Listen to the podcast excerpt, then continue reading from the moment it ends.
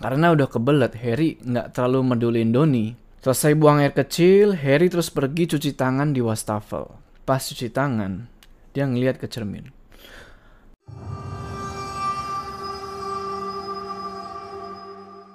Assalamualaikum teman-teman, balik lagi sama gua Joe. Apa kabar kalian semua? Semoga kalian semua yang menonton video ini diberikan kesehatan, dilancarkan rezekinya dan selalu dimudahkan urusan-urusannya dan selalu diberikan perlindungan dari wabah yang sedang melanda dunia saat ini. Yes, jidat hilang, ini tumbuh satu. Hmm. Oke, jadi gue perhatiin komen itu banyak dari kalian yang bilang, Bang, lanjutin cerita Pulau Sari dong, Pulau Sari dong, Pulau Sari dong. Oke, sebelum kita masuk ke perjalanan omnya Mira ke Gunung Pulau Sari itu, lu harus dengerin dulu cerita ini. Karena cerita ini ada hubungannya nanti. Nah, di sini tuh dikisahkan ada sebuah hotel. Nah, di hotel itu ada sebuah kamar. Yang mana di kamar itu telah terjadi peristiwa yang cukup mengerikan. Penasaran sama ceritanya? Tonton video ini terus. Sebelum kita masuk ke cerita, jangan lupa kalian like video ini dan bagi yang belum subscribe, ayo subscribe sekarang ke channel ini supaya kalian gak ketinggalan cerita-cerita horor selanjutnya. Oh ya, gue mau ngucapin terima kasih buat Mbah Ngesot yang udah ngasih gue kesempatan buat nyeritain cerita ini ke kalian. Kalian jangan lupa ya, mampir ke YouTube-nya Mbah Ngesot. Di sana banyak cerita-cerita horor juga. Link di deskripsi ya. Udah siap ya? Mode horor aktif. Waktu itu tengah malam, sekitar jam 12. Ada seorang cewek cantik sama dua orang laki-laki berbadan besar. Mereka ini masuk ke dalam lobi sebuah hotel. Yang nama hotelnya nggak perlu disebutin. Kita sebut aja namanya Hotel X. Mereka kelihatan terburu-buru dan langsung nyamperin dua orang resepsionis yang lagi berjaga. Dari penampilan wanita yang mereka bawa, orang pasti bisa menilai kalau wanita itu adalah, maaf, PSK. Dan dananya menor, pakai baju di atas udel, celananya pendek sepaha. Salah satu laki-laki yang ngebawa wanita itu terus bilang ke resepsionis, kamar nomor 111 sambil minta kunci. Harry si resepsionis nanya, emang udah booking pak? Laki-laki satunya lagi, kita sebut aja botak. Dia bilang, iya, jangan banyak tanya, cepetan. Tapi Harry nggak langsung ngasih kuncinya. Dia nanya dulu, maaf pak, bisa minta KTP-nya? Salah satu dari mereka terus ngasih KTP dengan muka yang kesel. Harry dibantu sama rekan kerjanya langsung meriksa data diri laki-laki itu di komputer. Setelah ketemu, Harry langsung nganter pria itu. Mereka naik lift ke lantai dua, terus nyusurin koridor kamar hotel. Pas sampai di kamar yang dimaksud, Harry terus bukain pintu dan bilang, ini kamarnya pak, nggak pakai terima kasih. Dua laki-laki itu langsung masuk ke kamar tersebut, diikuti wanita yang lagi sama mereka. Harry nggak terlalu peduli. Dia kayak yang udah biasa nerima perlakuan kayak gitu dari tamu. Setelah itu dia pun balik ke meja resepsionis. Oh ya, rekan kerjanya si Harry yang di meja resepsionis itu namanya adalah Tiara. Sampai di meja resepsionis lagi dan gak lama kemudian Harry ngeliat kayak ada sesuatu yang tergeletak di atas lantai. Kelihatannya sih itu dompet. Harry terus nyenggol Tiara yang lagi ngantuk. Dia bilang, Tiara, ada dompet tuh. Tiara terus bilang, wah itu pasti punya tamu yang barusan. Dia terus bangkit dari tempat duduknya dan diambillah dompet itu. Lalu dompet tersebut dibuka dan dilihat KTP-nya.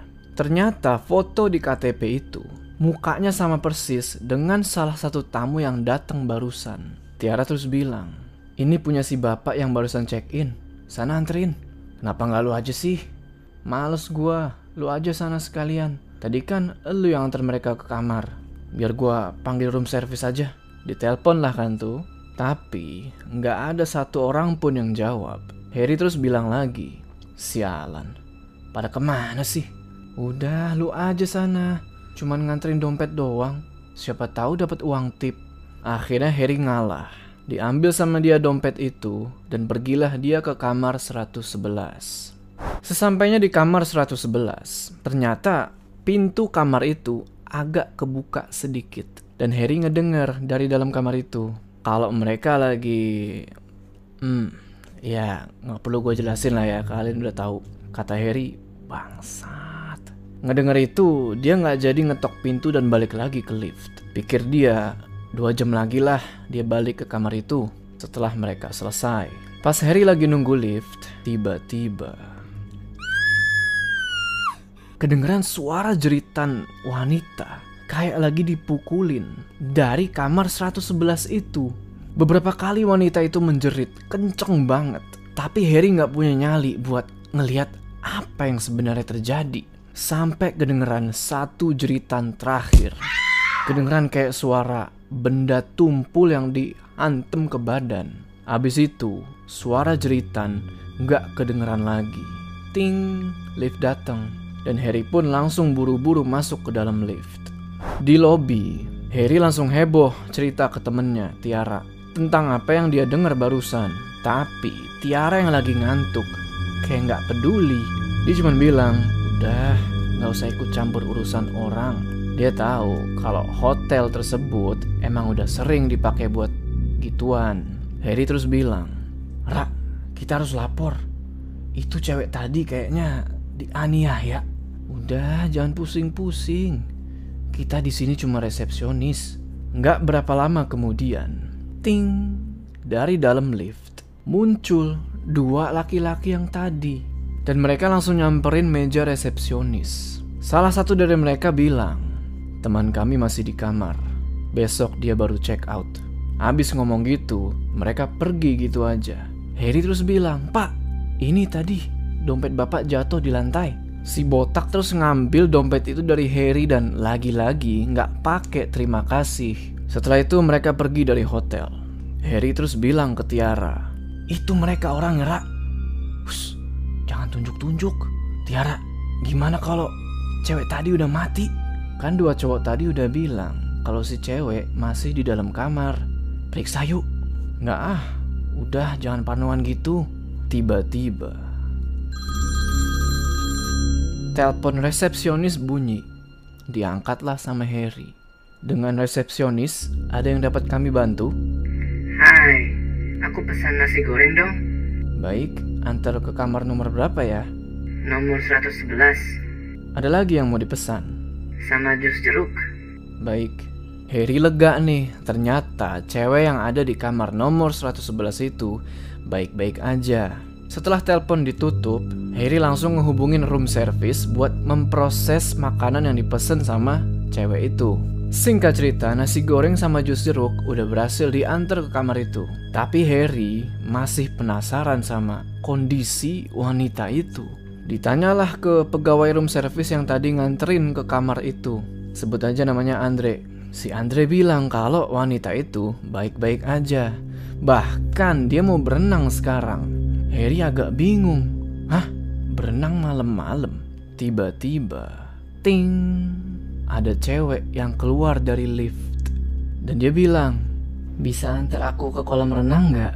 Cewek itu udah pakai bikini yang ditutup sama anduk. Andre dengan sigap nyamperin cewek itu dan nganterin dia ke kolam renang. Harry terus ngikutin mereka dari belakang. Dia perhatiin cewek yang lagi berenang itu. Dia penasaran karena jarang banget ada tamu berenang tengah malam kayak gitu. Dia terus naik ke lantai dua dan buru-buru pergi ke kamar 111. Kali ini pintunya udah kebuka lebar dan betapa kagetnya Harry pas ngeliat apa yang ada di atas kasur. Dan itu adalah mayat wanita terkapar di situ.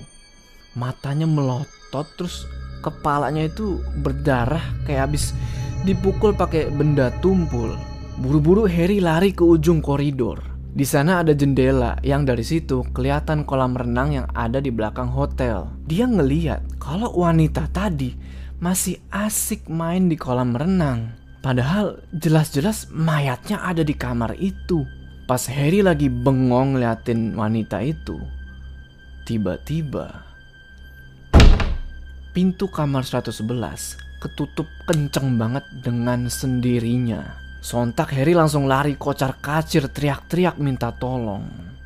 Hotel yang mengarah langsung ke pantai itu emang nggak pernah sepi pengunjung. Mungkin karena itu hotel yang paling mewah di daerah tersebut.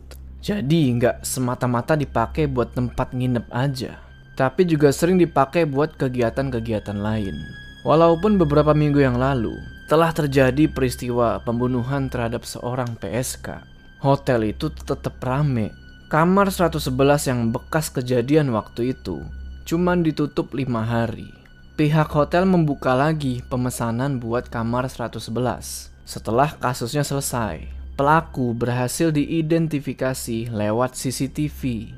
Mereka pun ditangkap dan diadili. Meskipun udah dibuka lagi, belum ada yang nempatin kamar tersebut mengingat kejadian yang waktu itu.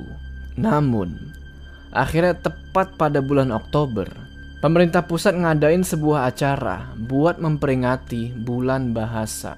Acara tahunan itu adalah tentang pemilihan duta bahasa seprovinsi. Nah, hotel yang dipakai buat acara tersebut adalah Hotel X. Salah satu mahasiswa perwakilan kampus Y yang sebut aja namanya Fadil, pas masuk ke hotel itu, dia bilang, Wah, bagus banget hotelnya ya. Iya Dil, makan enak nih kita. Zainal ini adalah teman satu kampusnya Fadil. Mereka sampai di hotel itu setelah menempuh perjalanan kurang lebih satu jam. Lama-kelamaan, halaman hotel udah mulai rame. Para peserta dari berbagai kampus seprovinsi mulai berdatangan. Satu persatu mereka check-in di lobi hotel. Zainal nanya ke Fadil, Lu kamar nomor berapa? 111 nih. Wah, nomor cantik. Tukeran mau nggak? Emang lu nomor berapa? Nomor 80. Tukeran ya? Kamar lu pasti di lantai atas, jadi pemandangannya pasti indah banget. Ya udah, serah lu aja. Bagi Fadil, nggak masalah dia mau tidur di kamar nomor berapapun. Yang penting bisa istirahat. Perjalanan dari kampus ke hotel lumayan bikin dia capek. Dia pengen cepet-cepet rebahan di kasur. Zainal terus dianterin ke lantai dua sama Harry, si resepsionis itu. Mukanya Harry kelihatan gugup. Sebenarnya dia khawatir sama tamu yang diantarnya itu. Harry meyakini kalau setan berwujud wanita yang mati di kamar itu masih ada. Karena dia masih sering ngedenger suara gaduh dari kamar 111 itu. Kadang ada suara perempuan ketawa, perempuan nangis, kadang kayak ada yang lagi nonton TV.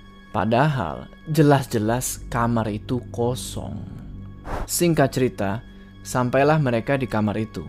Kamar itu rapi, ada spring bed warna putih dan dua bantal. Di temboknya ada TV LED, ada kulkas kecil di samping tempat tidur, juga ada kursi dan meja kasual di dekat jendela. Kamar itu juga dilengkapi sama kamar mandi. Dan di atas meja udah disiapin sepasang sendal hotel. Zainal bilang, Wah, bagus banget kamarnya.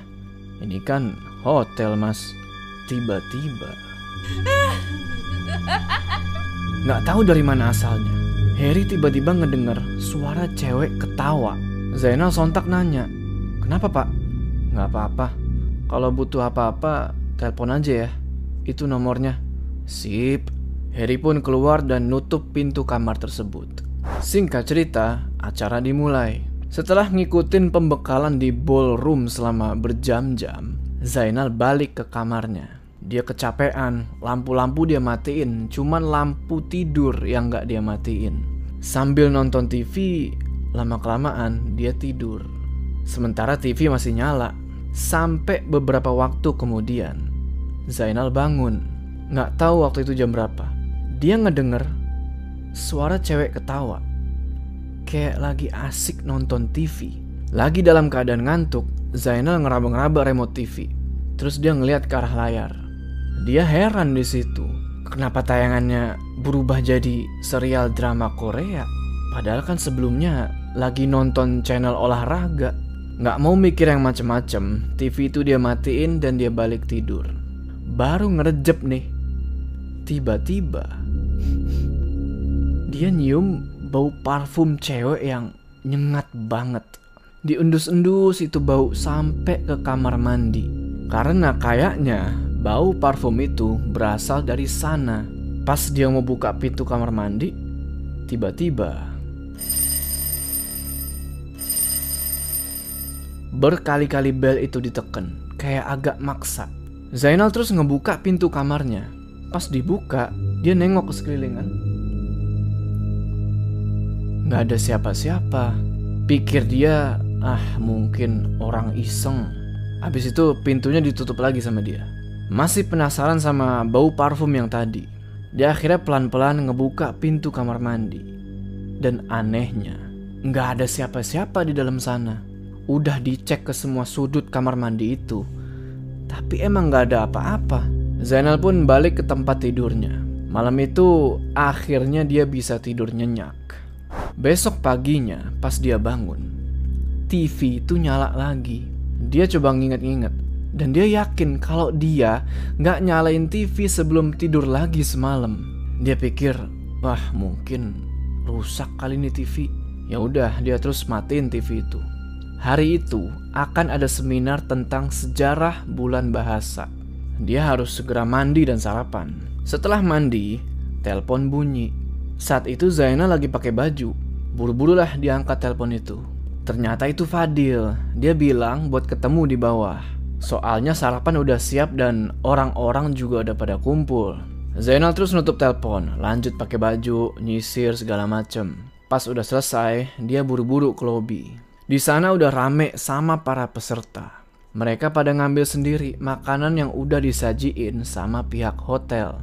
Zainal dan Fadil bergabung sama dua peserta lain yang berasal dari Tangerang. Sebut aja namanya Santi dan Hilda. Santi nanya, Kalian tahu nggak sih kalau pernah ada pembunuhan di hotel ini? Seriusan? Iya, tapi kamar hotelnya dirahasiain. Gak ada yang tahu peristiwa itu terjadi di kamar nomor berapa. Menurut gua, hotel ini emang angker. Ya, setiap hotel pasti ada aja penghuninya. Selama kita nggak ganggu mereka, gue yakin kita baik-baik aja. Zainal nggak mau cerita tentang kejadian aneh yang dia alamin semalam. Acara hari itu berjalan sesuai rencana. Ada sesi seminar, perkenalan masing-masing peserta, dan interview sama para juri. Selepas acara, Zainal balik ke kamarnya. Dia udah capek banget abis ngikutin acara seharian. Tapi, sesampainya dia di kamar 111 itu, dia keheranan. Kok kamarnya berantakan banget, kayak kapal pecah. Padahal tadi kan udah dirapiin. Dan juga ada bungkus makanan ringan yang berserakan di lantai. Itu makanan yang sengaja dia bawa dari kampus. Dalam hati dia nanya, siapa yang makan ya? Yang lebih bikin dia kaget lagi, ada jejak kaki berlumuran darah di kamar. Dia ikutin jejak itu, dan ternyata jejak itu ngarahin dia ke jendela di ujung koridor. Di mana dari jendela itu kita bisa ngeliat ke kolam renang. Ingat kan? Dan dari jendela itu, dia ngeliat ada cewek lagi berenang sendirian. Sampai tiba-tiba. Nah, ah, ngagetin aja lu, Dil. Gua boleh tidur di kamar lu nggak? Emang kenapa kamar lu? Gua nggak bisa tidur, takut setan. Gara-gara tadi siang cerita tentang peristiwa itu. Ya elah, Dil, gitu aja takut. Pas ngomong gitu, Zainal ngeliat lagi ke jejak kaki yang tadi. Tapi anehnya, jejak kaki itu udah nggak ada. Sebenarnya Zainal ini juga takut, tapi dia berusaha buat nyembunyiin hal itu. Dia nggak mau kalau suasana makin kacau. Dalam hatinya, dia bersyukur si Fadil mau numpang tidur di kamarnya. Pas sampai di kamar, Fadil bilang, Gila, berantakan amat kamar lu, Nal. Iya nih, maklum lah. Namanya juga cowok. Dia berusaha bersikap seolah-olah nggak terjadi apa-apa di kamarnya. Malam itu, Fadil tidur di kamarnya Zainal. Mereka tidur nyenyak banget. Nggak ada tuh setan-setan yang ganggu mereka. Jam 6 pagi, telepon bunyi, dan Zainal pun bangun. Sementara itu, si Fadil masih tidur nyenyak. Masih ngantuk Zainal angkat teleponnya. Nah, cepet mandi, sarapan ke bawah ya. Hari ini ada acara presentasi dari masing-masing peserta. Itu suara Fadil di telepon. Terus laki-laki yang tidur di samping dia itu Siapa? Zainal pelan-pelan naruh lagi gagang telepon itu. Pas dia balik badan, laki-laki yang nemenin dia tidur semalam udah nggak ada. Perasaan dia udah nggak karuan waktu itu. Tapi dia mesti cepet-cepet turun ke bawah. Abis itu dia langsung pergi ke kamar mandi. Dia mandi cepet banget. Kurang dari 10 menit dia kelar mandi.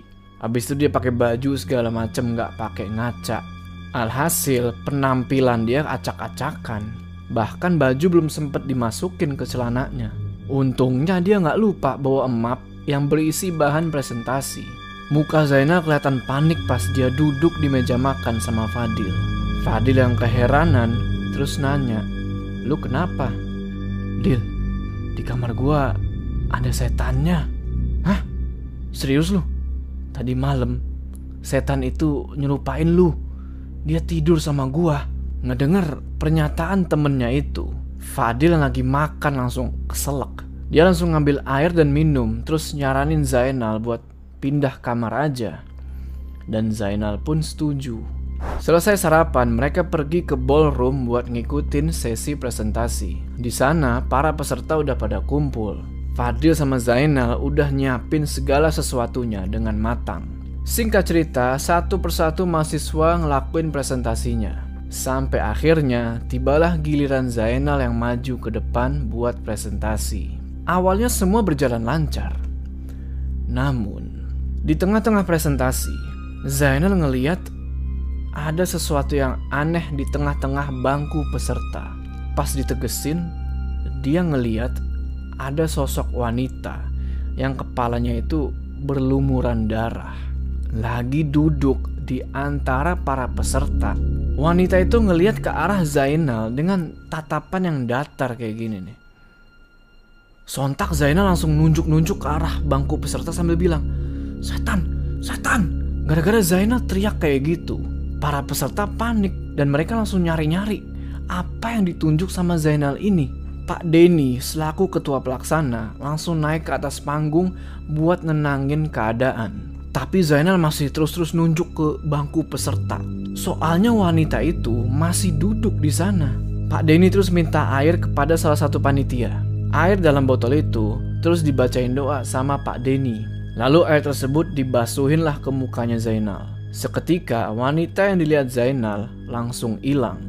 Dia mulai tenang tapi nafasnya masih ngos-ngosan. Pak Denny terus minta semua peserta buat balik ke tempat duduknya masing-masing karena presentasi akan dilanjutkan. Zainal dituntun turun dari panggung dan dikasih air yang udah dibacain doa. Mukanya masih tercengang gara-gara penampakan yang dia lihat tadi. Pak Denny terus nanya, "Kamu nggak apa-apa?" "Tadi ada cewek yang mukanya penuh darah, Pak. Di sana. Dia duduk di sana." Fadil terus nyamperin dia dan nanya, "Nal, lu kenapa?" Zainal bilang, "Setan, Dil. Hotel ini ada setannya." Lalu Fadil minta ke Pak Denny supaya Zainal ini pindah kamar. Pak Denny sempat menyangkal apa yang dilihat Zainal. Dia bilang kalau itu cuman halusinasi Zainal aja. Tapi Zainal tetap kekeh buat pindah kamar. Singkat cerita, akhirnya ketemu nih salah satu peserta yang mau tukeran kamar sama Zainal. Sebut aja namanya Doni. Doni terus ngajak Fahri, temen satu kampusnya buat ke kamar 111 itu bukan untuk diskusi materi presentasi, tapi buat main jelangkung. Konyol kan? Mereka berdua emang suka sama hal-hal yang gaib. Dan karena mereka dengar kalau kamar 111 itu angker, ya mereka berniat buat main jelangkung di situ. Kemarin malam, sebelum dia tukeran kamar sama Zainal, dia udah main jelangkung duluan di kamarnya. Tapi nggak terjadi apa-apa. Pas tahu kalau Zainal minta tukeran kamar, senenglah dia. Oke lah, singkat cerita, Doni sama Fahri beneran main jelangkung nih di kamar 111. Mereka terus matiin lampu dan nyalain lilin. Doni bilang, lu tahu kalau roh itu bisa bantuin kita. Bantuin kayak gimana? Orang-orang main jelangkung buat dapetin nomor togel. Nah, kalau gua beda. Bedanya? Lu tahu kan kalau di kampus, gue naksir banget sama si Diana. Nah, kalau di kamar ini ada rohnya, gue mau minta bantuan agar si Diana naksir juga sama gue. Hmm, masuk akal juga sih. Doni terus ngeluarin jelangkung dari dalam tasnya. Kalian tahu kan jelangkung itu kayak gimana? Jadi jelangkung itu kecil, bentuknya kayak orang. Kepalanya dari batok kelapa, digambarin muka sama Doni. Badannya pakai dua batang kayu, terus dikasih kain, kayak dikasih baju gitulah. Terus ujung bawah kayunya itu sengaja dibikin runcing. Mereka berdua langsung megang badan jelangkung itu sambil baca-baca mantra yang dia pelajarin dari internet. Kayak jelangkung-jelangkung di sini ada pesta dan seterusnya. Lima kali mereka ulang-ulangin mantra itu, tapi nggak terjadi apa-apa. Fahri terus bilang, nggak ada Don, percuma. Udah, gue balik aja ya. Ya udah deh. Setelah Fahri balik ke kamarnya, Doni pun pergi tidur. Pagi harinya, bel kamar Doni bunyi. Dia kesiangan. Fahri udah nyoba nelpon berkali-kali tapi nggak diangkat-angkat. Sekarang pintu itu digedor-gedor sama Fahri. Dia heran kenapa Doni bisa tidur pules banget. Sebentar lagi bakal ada UKBI, Uji Kemahiran Bahasa Indonesia. Dan kalau Doni gitu terus, dia pasti bakalan telat. Fahri terus ngedor pintu itu sambil manggil-manggil dia, Don, bangun Don. Karena tetap nggak ada jawaban, Fahri pergi ke lobi. Dia minta bantuan petugas hotel buat ngebukain pintu kamarnya Doni. Fahri takut kalau ada hal buruk yang terjadi sama temennya itu. Anehnya, pas Fahri balik lagi sama petugas hotel, pintu kamar itu sekarang udah kebuka. Fahri terus masuk dan ngeliat Doni yang lagi nyisir depan cermin. Fahri bilang, Don, Don, buat gue panik aja lu.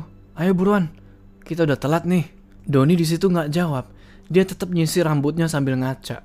Fahri bilang lagi, Don, sabari, ini gue lagi siap-siap. Ada yang nggak beres di situ. Nada bicaranya Doni datar.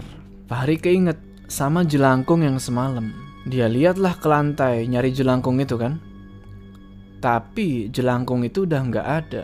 Fahri terus nyuruh petugas hotel buat pergi dan dia nanya ke Doni. Don, jelangkungnya mana? Ada di tas gua. Oh ya udah, yuk buruan. Udah pada mulai ujian nih. Oke, di ruang ujian, Doni nggak ngerjain satu soal pun. Dia cuma ngeliatin lembar soal dengan tatapan kosong kayak gini. Tangan kanannya sambil genggam pensil. Tiba-tiba, pensil yang ada di genggamannya Doni prak patah. Mungkin karena digenggam kenceng gitu kali ya. Sontak Fahri kaget. Dia nanya, Lu kenapa Don? Gak apa-apa. Kok masih kosong? Lu sakit? Gua bingung mau jawab apa. Pas ngomong gitu, Doni nengok ke Fahri kayak gini. Dan ternyata matanya itu merah. Lu begadang ya? Mata lu merah? Iya, semalam gua nggak bisa tidur. Akhirnya Fahri ngebantuin temennya itu. Diam-diam dia nuker lembar jawaban terus ngerjain soalnya Doni. Gak lama kemudian, Doni izin buat pergi ke toilet. Ingat sama Harry si resepsionis? Nah, dia ini pengen buang air kecil. Dan dia ketemu sama Doni di toilet tersebut. Si Doni di dalam toilet itu cuman berdiri aja di depan cermin wastafel. Gini aja. Karena udah kebelet, Harry nggak terlalu medulin Doni Selesai buang air kecil, Harry terus pergi cuci tangan di wastafel. Pas cuci tangan, dia ngeliat ke cermin. Lu mau tahu apa yang dia lihat? Dia ngeliat sosok wanita di cermin itu. Dan Harry inget banget kalau sosok wanita itu adalah wanita yang mati di kamar 111. Tapi pas Harry nengok ke sebelah kanan, yang dilihat Doni. Refleks Harry istighfar. Astagfirullah, astagfirullah. Doni terus nanya, ada apa mas? Nggak pakai ngomong apa-apa lagi. Harry langsung lari terbirit-birit. Di meja resepsionis, Harry nyeritain apa yang barusan dia lihat ke rekan-rekan kerjanya. Tapi nggak ada yang percaya sama ceritanya itu. Lembar jawaban Doni udah selesai dikerjain dan dia lihat Doni balik nih ke ruang ujian Panitia terus keliling buat ngambil lembar jawaban para peserta. Doni yang sekarang mukanya udah pucet ngasih lembar jawabannya. Ditanyalah sama panitia, kamu sakit? Enggak kok, aku baik-baik aja. Kalau sakit, berkabar ke panitia ya. Baik, panitia itu terus pergi. Fahri masih bingung. Sebenarnya Doni ini kenapa sih? Dalam hati dia bertanya-tanya. Apa karena jelangkung semalam? Di tengah-tengah coffee break, Doni tiba-tiba bilang, Fahri, antar gua ke kamar dulu yuk. Ngapain? Gue mau nunjukin sesuatu sama lu. Apaan? Nanti lu lihat aja sendiri. Fahri pun mengiyakan dan mereka pun beranjak dari ruangan itu. Di dalam lift, Fahri ngeliat kalau tangan kanannya Doni itu gemeteran. Fahri terus bilang, lu kayaknya sakit Don. Doni terus noleh ke Fahri. Dan dia bilang, enggak kok, gua baik-baik aja. Singkat cerita, sampailah mereka di kamar nomor 111. Setelah semua urusan selesai di kamar itu, Doni balik ke ruang ujian buat ngikutin acara selanjutnya. Selama coffee break, Doni terus-terusan ngeliatin temennya, yaitu si Hilda. Diliatin kayak gitu, Hilda jadi salah tingkah, dia cuman sesekali senyum gugup. Tapi ada yang aneh, Doni balik ke ruang ujian itu sendirian. Si Fahri ke mana? Salah satu panitia terus nanya ke Doni. Temanmu mana? Dia pulang. Hah? Pulang? Ke kamar? Bukan. Dia pulang ke rumah. Benarkah Fahri pulang ke rumah? Atau... Jangan-jangan... Penasaran sama kelanjutannya? Tonton di part selanjutnya. Sebelum kita berpisah, jangan lupa kalian like video ini dan bagi yang belum subscribe, ayo subscribe sekarang ke channel ini supaya kalian gak ketinggalan part selanjutnya dari cerita ini. Gua Jo, sampai ketemu di part selanjutnya. Psh.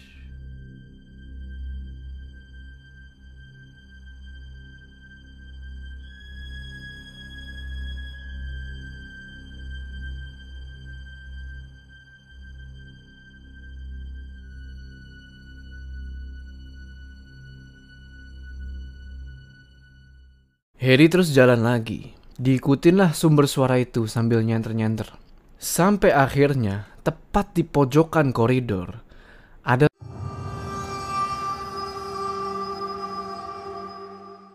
Assalamualaikum teman-teman, balik lagi sama gua Joe apa kabar kalian semua? Semoga kalian semua yang nonton video ini diberikan kesehatan, dilancarkan rezekinya dan selalu dimudahkan urusan-urusannya dan selalu diberikan perlindungan dari wabah yang sedang melanda dunia saat ini.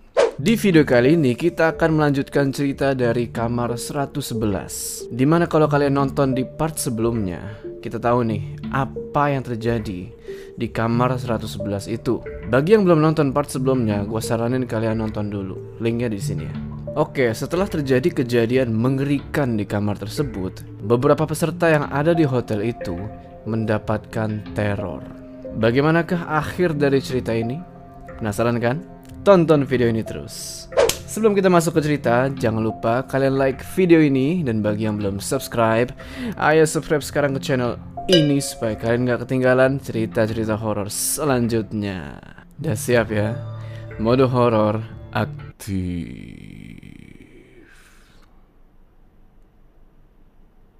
Temanmu mana? Dia pulang. Hah? Pulang? Ke kamar? Bukan. Dia pulang ke rumah. Kenapa dia pulang? Katanya ada urusan keluarga, Pak. Hmm, tapi seharusnya dia izin ke panitia. Kalau begitu, dia dianggap gugur ya. Doni cuman ngangguk. Gak ada sedikit pun dia nunjukin muka panik. Acara dilanjutkan dengan beberapa seminar dari para ahli. Doni ikut seminar itu. Dia ikut doang, tapi sebenarnya dia nggak merhatiin. Tatapannya tuh kosong. Kayak lagi sepenuhnya dikendaliin sesuatu. Sesekali dia nengok ke arah Hilda. Kayaknya ada sesuatu yang pengen dilakuin Doni ke dia. Semua acara formal selesai. Malamnya, panitia ngadain acara barbeque di pinggir pantai. Ingat kan, hotel itu mengarah ke pantai? Di sana udah disediain daging sapi sama ikan tuna yang udah siap dipanggang, soft drink, dan juga ada lampu-lampu kecil yang dipasang melingkar di sekitar pantai. Semua peserta kelihatan gembira Mereka berbaur, ngobrol satu sama lain, foto-foto, nyanyi-nyanyi. Lain halnya dengan Doni. Dari tadi dia cuma diem aja ngeliatin laut yang gelap. Tiba-tiba, Don, Doni. Iya Nal, si Fahri mana? Pulang. Katanya sih ada urusan keluarga. Oh, eh, lu kenapa diem aja sih? Ngobrol dong sama anak-anak yang lain. Nih buat lu. Makasih Nal. Ya udah, gue gabung sama anak-anak lagi ya. Doni ngangguk dan dia lagi-lagi noleh ke arah Hilda yang lagi asik ngobrol. Gak lama kemudian, Doni nyamperin dia.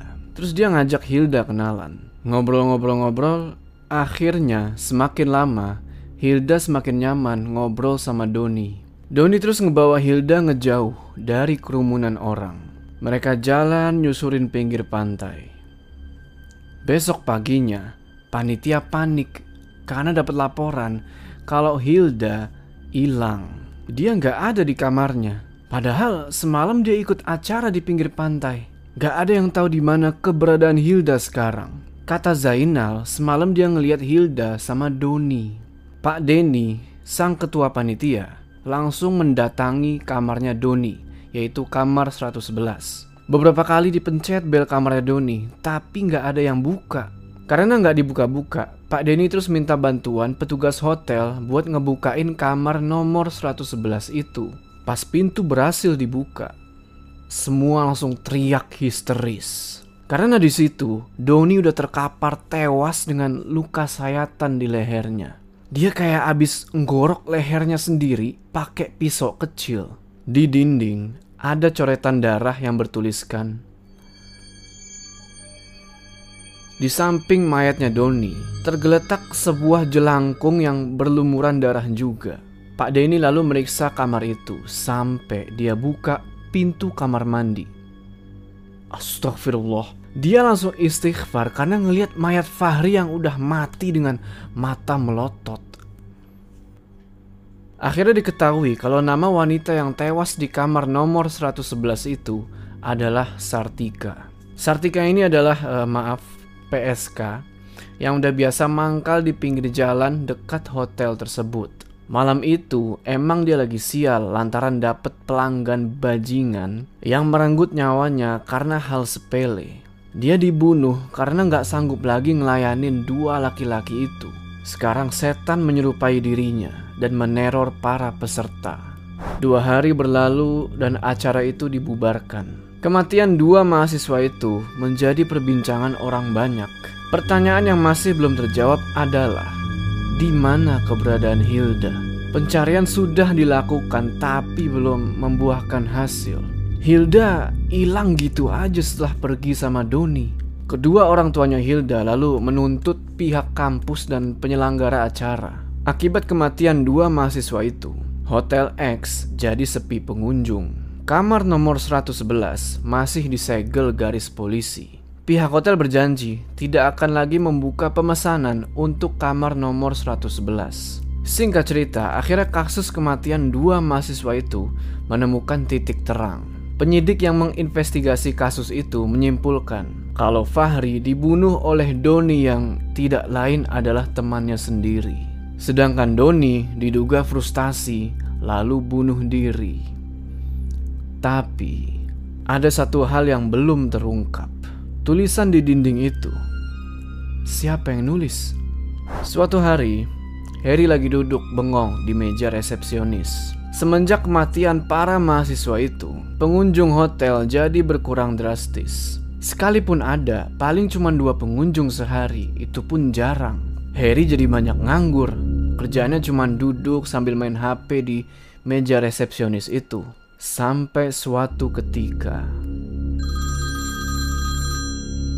Sekitar jam 2 dini hari, telepon bunyi. Diangkatlah sama Harry dan dia bilang, "Dengan resepsionis, ada yang dapat saya bantu?" Pintu kamar saya susah dibuka. Kayaknya pintunya rusak. Saya tidak bisa keluar. Baik, di kamar nomor berapa ya? 99, Pak. Baik, mohon ditunggu ya. Itu suara bule yang ngomong bahasa Indonesia dengan logat khas orang asing. Udah dua hari dia menginap di hotel itu. dan dia nggak tahu tentang peristiwa kematian para mahasiswa-mahasiswa itu. Harry buru-buru nyari kunci cadangan buat ngebuka kamar nomor 99. Dia kelihatan semangat karena akhirnya ada hal yang bisa dia kerjain. Dia bilang ke temennya, si Tiara, Tiara, gue ke atas dulu ya, ada tamu yang minta bantuan. Tiara nggak ngejawab, ternyata dia udah tidur pules di meja itu. Harry cuman geleng-geleng aja sambil bilang, kerja kok, tidur mulu. Dia pun langsung naik ke lantai dua. Namun, pas lagi jalan di lorong koridor, tiba-tiba, tep, semua lampu mati. Sontak Harry kaget, dia langsung ngeluarin HP-nya dan nyalain senter. Satu persatu dia lewatin kamar di koridor itu, sampai tiba-tiba, tek. Harry ngedenger dengan jelas, ada suara wanita yang lagi nangis. Bulu kuduknya mulai merinding. Dia takut tapi penasaran juga. Harry terus jalan lagi. Diikutinlah sumber suara itu sambil nyenter-nyenter. Sampai akhirnya, tepat di pojokan koridor, ada seorang cewek yang lagi duduk di lantai sambil megang lututnya kayak gini. Sambil nunduk, dia nangis sesungguhkan. Perempuan itu rambutnya sebahu, pakai jaket warna kuning dan celana levis. Harry pelan-pelan ngedeket dan nyamperin wanita itu. Terus dia nanya, Mbak, Mbak kenapa? Perempuan itu nggak ngejawab. Dia masih terus nangis. Harry terus nyentuh pundak perempuan itu dan manggil dia lagi. Mbak, Temani aku. temani. Cewek itu terus ngedongak. Pas ngeliat mukanya, Harry terus ngerasa kayak kenal ini. Dia inget-inget ternyata itu adalah Hilda. Dia tahu itu Hilda karena fotonya Hilda ini udah tersebar ke mana-mana secara dia kan hilang. Harry terus bilang, kamu Hilda? Dari mana aja? Semua orang panik nyariin kamu. Temani aku. Aku takut. Ayo kita ke bawah, kita lapor polisi, biar kamu dijemput. Harry terus ngeraih tangannya Hilda, dan ternyata tangannya itu dingin banget. Ditanya sama Harry, kok dingin banget? Kamu sakit ya? Hilda ngangguk sambil ngusap air matanya. Harry terus nuntun dia perlahan ngelewatin koridor itu. Dia mampir dulu nih di kamar nomor 99 buat ngebantuin bule yang kamarnya kekunci tadi. Singkat cerita, Harry berhasil ngebuka pintu itu. Dan muncullah seorang laki-laki bule dengan kepala botak dan perut agak buncit. Pas pintu dibuka, bule itu bilang, Ah, finally. Oke, sudah lancar kembali kuncinya pak. Lampunya mati ya? Oh, ini sedang diperbaiki sama tim teknik kami pak. Maaf atas kendala ini ya. Jangan terlalu lama. Saya harus charge laptop. Ya, sebentar lagi pasti menyala. Kami punya mesin diesel, jangan khawatir. Oke, thank you. Setelah itu Harry pergi ninggalin bule itu sambil terus nuntun Hilda. Di sini, si bule heran. Heran dengan tingkah Harry yang seolah-olah lagi nuntun seseorang. Tapi si bule nggak ngelihat siapa pun di sampingnya Harry. Bule itu nggak mau ambil pusing, dia terus nutup pintu kamarnya lagi. Sesampainya di lobi, Harry masih nuntun perempuan itu. Pas ngeliat ke meja resepsionis, dia kaget. Karena di situ, si Tiara, rekan kerjanya, lagi berdiri di atas meja resepsionis. Mulutnya ngangak lebar, matanya melotot ngeliat lurus ke arah pintu hotel. Ekspresi mukanya kayak ngeliat sesuatu yang mengerikan di pintu masuk hotel itu. Harry sontak ngelepas tangannya Hilda dan langsung lari ke arah meja resepsionis sambil bilang, Tiara, lu kenapa? Namun, belum sempet Harry sampai di meja resepsionis itu. Badannya Tiara lemes dan dia jatuh ke lantai. Sebenarnya, apa yang udah Tiara lihat? Tes, lampu hotel nyala lagi. Harry terus ngebopong Tiara ke ruang istirahat. Saking paniknya, dia lupa sama Hilda yang barusan dia bawa dari lantai dua. Tapi anehnya, Hilda udah nggak ada. Kayaknya itu bukan Hilda yang sebenarnya, tapi makhluk halus yang menyerupai Hilda. Setelah Tiara siuman, Harry terus nanya, Tadi lu lihat apa? Lu bener Her, ada setan di hotel ini. Apa yang lu lihat barusan? Cewek, Mukanya penuh darah. Setelah itu, gua nggak sadar. Kayaknya gue mau resign aja. Gua nggak sanggup lagi kerja di sini. Harry tahu, pasti itu adalah setan yang menyerupai wanita yang tewas di kamar 111 itu. Harry bilang lagi, gue juga tadi ketemu sama Hilda, mahasiswa yang hilang itu. Tapi anehnya, dia sekarang hilang lagi nggak tahu ke mana. Gue yakin kalau yang gue bawa tadi itu setan. Sekarang hati-hati, hotel ini angker. Lu mau tetap kerja di sini? Gak ada pilihan lain, Ra. Gue harus tetap kerja. Setelah obrolan itu, tiba-tiba seorang pegawai room service muncul dari pintu. Dia bilang, Mas Harry, ada tamu yang pengen check-in. Harry agak heran, tumben banget ada tamu yang check-in tengah malam kayak gitu. Dia pun buru-buru balik ke meja resepsionis. Di sana ada seorang laki-laki yang penampilannya kumal, nenteng senapan angin, dan gendong tas ransel. Pakaiannya kotor penuh bercak lumpur yang udah kering. Laki-laki itu kayak baru aja pulang dari ekspedisi hutan belantara. Di samping laki-laki itu, ada seorang wanita yang umurnya kurang lebih 21 tahun. Penampilannya nggak kalah kumal. Rambutnya kusut dan ada bercak lumpur kering di mukanya. Perempuan itu kelihatan murung. Dia cuma nunduk aja dengan tatapan yang kosong. Laki-laki itu terus bilang, kami pesan dua kamar ya, sambil ngeluarin kartu debit dari dompetnya. Kata Harry, baik pak. Singkat cerita, Harry lalu nganterin kedua orang itu ke kamar nomor 112 dan 113. Laki-laki itu nggak banyak omong. Walaupun Harry nerangin berbagai jenis layanan yang ada di hotel itu, mereka berdua sama sekali nggak peduli. Ingat sama Zainal, ada kabar buruk mengenai dia. Semenjak dia pulang dari acara itu, dia sakit. Setiap hari dia ngerasain perutnya itu perih, kayak ditusuk-tusuk. Dia juga sering ngerasa sakit kepala. Dia berkali-kali pergi ke dokter, tapi nggak sembuh-sembuh. Zainal juga sempat dirawat di rumah sakit, tapi itu cuma bertahan beberapa hari aja karena keluarganya nggak sanggup buat bayar biaya rawat inap. Di suatu malam, seluruh keluarga Zainal ngumpul. Mereka nangis ngelihat Zainal yang lagi sekarat nggak berdaya di atas kasur.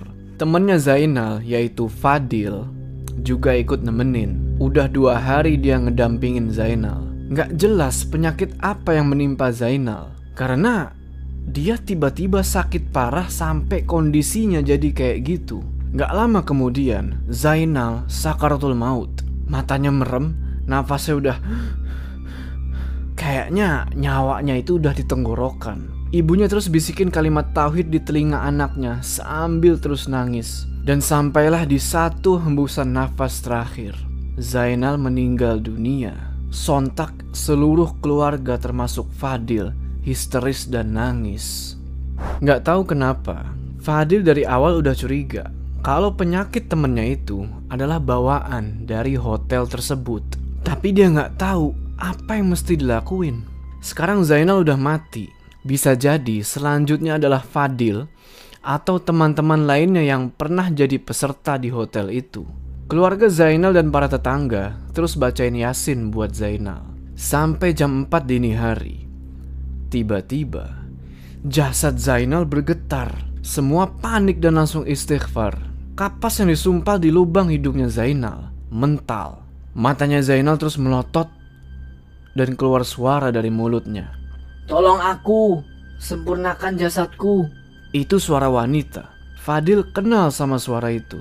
Ya, itu suaranya Hilda. Cuman pesan itu aja yang keluar dari mulutnya Zainal. Habis itu, dia balik ke kondisi sebelumnya. Semua orang di ruangan itu gak berhenti-berhenti ngucapin istighfar. Ibunya Zainal nangis-nangis histeris sambil megang-megang muka anaknya itu. Berharap anaknya masih hidup. Sayangnya, udah gak ada tanda-tanda kehidupan di tubuh Zainal. Fadil yakin pesan itu adalah sebuah petunjuk tentang keberadaan di mana jasadnya Hilda. Dan kamar 111 itulah satu-satunya jawaban.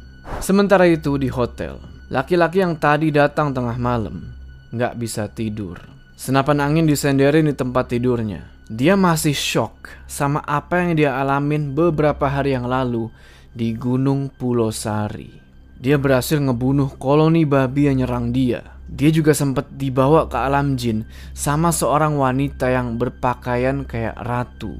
Sampai akhirnya dia berhasil nemuin wanita yang sama dia itu di sebuah perkampungan jin. Gak mudah buat dia bisa nyelamatin wanita itu. Wanita yang sama dia itu namanya adalah Mira. Gak mudah buat dia untuk bisa nyelamatin Mira. Dia harus melawan sosok genderuwo yang gak lain adalah suaminya Mira di perkampungan jin itu. Senapan angin yang dia bawa udah gak berguna lagi di alam jin. Tapi untungnya dia berhasil ngalahin genderuwo itu. Oh iya, bagi kalian yang belum tahu nama omnya Mira, namanya adalah Bobby. Nggak tahu apa yang terjadi sama dirinya. Tiba-tiba aja Bobby kayak punya kesaktian dari dalam tubuhnya. Dia nggak pernah sadar kalau di dalam tubuhnya ada energi gaib yang kuat banget. Dia berhasil melenyapkan genderuwo itu. Bobby keluar dari alam gaib itu dengan membawa Mira. Bagi kalian yang bingung tentang Om Bobby dan Mira, kalian harus nonton dulu cerita tentang kualat Gunung Pulau Sari. Nonton di sini ya. Lanjut. Di saat itu, dia baru tahu kalau dia adalah keturunan dari seorang kepala desa Pulau Sari yang melegenda, yaitu kepala desa yang dulu pernah menaklukkan kerajaan jin Gunung Pulau Sari. Selama kepala desa yang sakti itu menjabat, nggak ada koloni babi yang menyerang perkebunan warga Kekuatan gaib yang Bobby punya adalah ilmu turunan dari kepala desa sakti tersebut. Sang Ratu Gunung Pulau pun gak berani nyakitin Bobby dan dia berhasil membawa Mira turun dari gunung itu. Sayangnya, Bobby gak nemuin lagi jalan setapak yang mengarah ke tempat dia markirin motor. Dia keluar dari gunung itu lewat jalan yang dia belum pernah lewatin sebelumnya. Waktu itu udah tengah malam. Bobby dan Mira sampai di sebuah jalan raya. Nggak ada perkampungan warga di sana. Sejauh mata memandang, cuman ada pepohonan yang berjejer di pinggir jalan. Mereka berdua terus duduk di pinggir jalan, berharap ada mobil yang melintas supaya mereka bisa numpang. Ngeliat Mira yang cuman diem aja, Bobby terus manggil, Mira, emang sepanjang perjalanan dari alam gaib sampai turun dari gunung, Mira nggak bicara satu patah kata pun. Tatapannya tuh kosong, dia kayak orang yang hilang akal. Kalau udah sampai rumah nanti, Bobby berencana buat ngebawa Mira ke rumah sakit. Gak lama berselang mereka duduk di pinggir jalan itu. Dari jauh kelihatan sebuah mobil pick up pengangkut sayuran. Bobby langsung berdiri dan ngelambain tangan. Lalu mobil itu pun berhenti. Bobby terus nanya ke sopir mobil itu. Boleh numpang pak? Mau ke mana ya? Ke Kananga Selatan. Oh, saya nggak ke sana. Saya mau ke pasar curug nganterin sayuran ini. Nggak apa-apa pak, kami ikut aja. Yang terpenting buat Bobby saat itu adalah pergi dari kawasan Gunung Pulau Sari. Pikir dia urusan pulang itu gampang. Kan bisa cari penginapan dulu di jalan. Satu jam berlalu, Bobby sadar kalau mobil pickup itu ngebawa mereka berdua semakin jauh dari Kananga Selatan. Gak berapa lama kemudian, dia ngelihat ada sebuah hotel di pinggir jalan. Sontak Bobby bilang, Pak, kami turun di sini aja. Rencananya, dia mau nginep semalam di hotel itu. Besoknya, baru dia nyari kendaraan umum buat pulang. Lagi pula, dia udah capek banget dan pengen segera istirahat. Malam itu, Bobby bener-bener gak bisa tidur. Dia terus bangun dan ngambil kunci buat ke kamarnya Mira. Dia jalan ke kamarnya Mira dan terus dibukalah pintunya. Di dalam sana, Mira juga nggak tidur. Dia cuma duduk bengong di tepi tempat tidurnya. Bobby sempat khawatir kalau Mira ini gila. Gak lama kemudian, tiba-tiba kedengeran ada suara teriakan dari kamar nomor 111. Bobby sontak kaget. Dia terus balik lagi ke kamarnya buat ngambil senapan angin. Tinggal sisa tiga peluru di senapan angin itu. Kalau ada orang jahat di dalam kamar tersebut, Bobby harus bisa make sisa pelurunya sebaik mungkin. Pintu kamar 111 itu kebuka sedikit. Teriakan itu kedengeran semakin keras dan kayak ada orang yang lagi dipukulin. Pelan-pelan Bobby ngedeket sambil ngarahin senapannya ke pintu kamar itu. Tiba-tiba, jangan masuk, kamar itu angker. Angker? Iya pak, jangan dekat-dekat kamar itu. Alah, persetan dengan angker. Bobby malah nendang pintu kamar itu. Sontak Harry langsung lari ketakutan. Pas Bobby ngeliat ke dalam kamar, dia heran karena nggak ada siapa-siapa. Terus dia tutup lagi pintunya. Bobby sama sekali nggak takut karena apa yang dia alamin di Gunung Pulau Sari jauh lebih mengerikan. Sesaat sebelum Bobby masuk lagi ke kamarnya, tiba-tiba kedengaran suara kayak ada seseorang yang lagi nyakar-nyakar pintu. Bobby sontak nengok dan tepat dari celah pintu kamar nomor 111 itu ada darah mengalir yang perlahan-lahan membasahi lantai. Bobby cuman geleng-geleng kepala dan dia bilang, Sebaiknya kau tidak menggangguku. Aku sudah pernah membunuh jin seperti kau. Penuh emosi, Bobby terus nendang lagi pintu kamar itu. Kali ini ada seorang wanita yang mukanya penuh darah. Bobby terus nanya, kenapa kau mengganggu manusia? Wanita itu diam aja, mukanya datar ngeliatin Bobby. Gak lama kemudian, wanita itu perlahan bangun, matanya merah. Dia mulai ngedeket ke Bobby kayak mau ngelukain dia. Bobby bilang lagi, sudah ku bilang, aku pernah berhadapan dengan jin Gunung Pulau Sari. Kalau kau cari masalah denganku, itu salah besar. Belum sempat setan itu ngelukain Bobby, badannya udah kebakar. Setan itu teriak-teriak sambil mohon-mohon minta ampun. Tapi api terus ngebakar setan itu sampai lenyap nggak bersisa. Setelah setan itu hilang, sekarang kelihatan ada mayat seorang perempuan yang terbaring di atas kasur. Mayat itu udah membusuk dan ngeluarin bau nggak sedap. Besok paginya, mayat itu teridentifikasi. Dia adalah Hilda, mahasiswa yang dikabarkan menghilang waktu itu. Singkat cerita, keluarganya Hilda menuduh kalau Bobby yang membunuh anaknya. Bobby sempat diseret ke meja hijau. Kesaksian Bobby tentang mayat Hilda emang nggak masuk akal. Tapi nggak ada bukti kalau Bobby yang ngelakuin pembunuhan itu. Setelah kasus selesai, Bobby fokus ngurusin Mira yang kondisinya masih memprihatinkan. Dia masih nggak ngomong satu patah kata pun. Bingung mau ngapain lagi, akhirnya Bobby minta bantuan ke seorang ustadz. Sebut aja nama ustadz ini adalah Firman. Nah, ustadz Firman ini, dia tuh ahli dalam hal rukiah. Waktu itu sore hari, si Mira dipakein mukena. Dia didudukin di atas karpet permadani. Ustadz Firman terus pakai sarung tangan hitam. Dia lalu baca ayat-ayat suci Al-Quran sambil nunjuk ke kepalanya Mira. Seketika, Mira ketawa terbahak-bahak. Hahaha. Matanya melotot.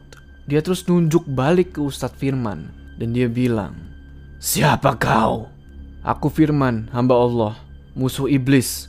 Keluar kau dari tubuh wanita ini. Ini tubuh istriku. Tak ada jin yang menikahi manusia. Sekarang keluar, atau kuhancurkan kau dengan ayat suci Allah. Ustadz Firman lalu baca ayat-ayat Al-Quran. Jin yang ada di dalam badannya Mira teriak-teriak kesakitan. Gak lama setelah itu, Mira lemes dan dia terkapar gak sadarin diri. Lalu, ada suara. Kalian tidak akan bisa memusnahkanku. Hahaha. Sontak Ustadz Firman noleh ke arah dinding di sana ada bayangan hitam berbentuk genderuwo. Bobby terus ngedeket ke bayangan itu dan dengan kemampuan yang dia miliki, bayangan berbentuk genderuwo itu kesakitan. Sesaat sebelum dia hilang, genderuwo itu bilang, "Aku berjanji akan membawa istriku kembali." Om, Mira perlahan siuman, mukanya pucat, matanya sayu. Semua orang di ruangan itu akhirnya lega. Ustadz Firman gak nyangka kalau Bobby ini punya kemampuan yang kayak gitu. Bobby bilang kalau dia dapat kekuatan itu setelah naik ke Gunung Pulau Sari. Semenjak saat itu, Mira hidup lagi dengan normal. Ori gak nyangka kalau Mira bisa diselamatin. Dan mereka gak pernah mau naik gunung apa pun lagi. Kejadian itu udah cukup bikin mereka kapok. Kamar nomor 111 udah nggak bisa dipesan lagi. Kamar itu selalu dikunci dan nggak pernah dibersihin. Juga jendelanya selalu ditutup. Bisa kebayangkan gimana jadinya isi kamar itu? Kamar itu sekarang jadi sangat menakutkan bagi semua pekerja hotel itu. Padahal kamar itu sebenarnya udah nggak kenapa-napa. Cuman orang-orang pada nganggap kalau kamar itu masih angker.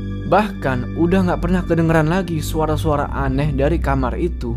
Tapi Harry si resepsionis masih takut kalau malam-malam mesti lewat depan kamar itu.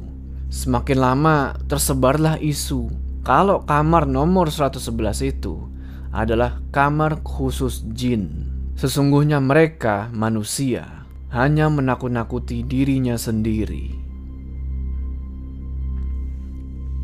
Oke teman-teman, gimana tuh tadi ceritanya?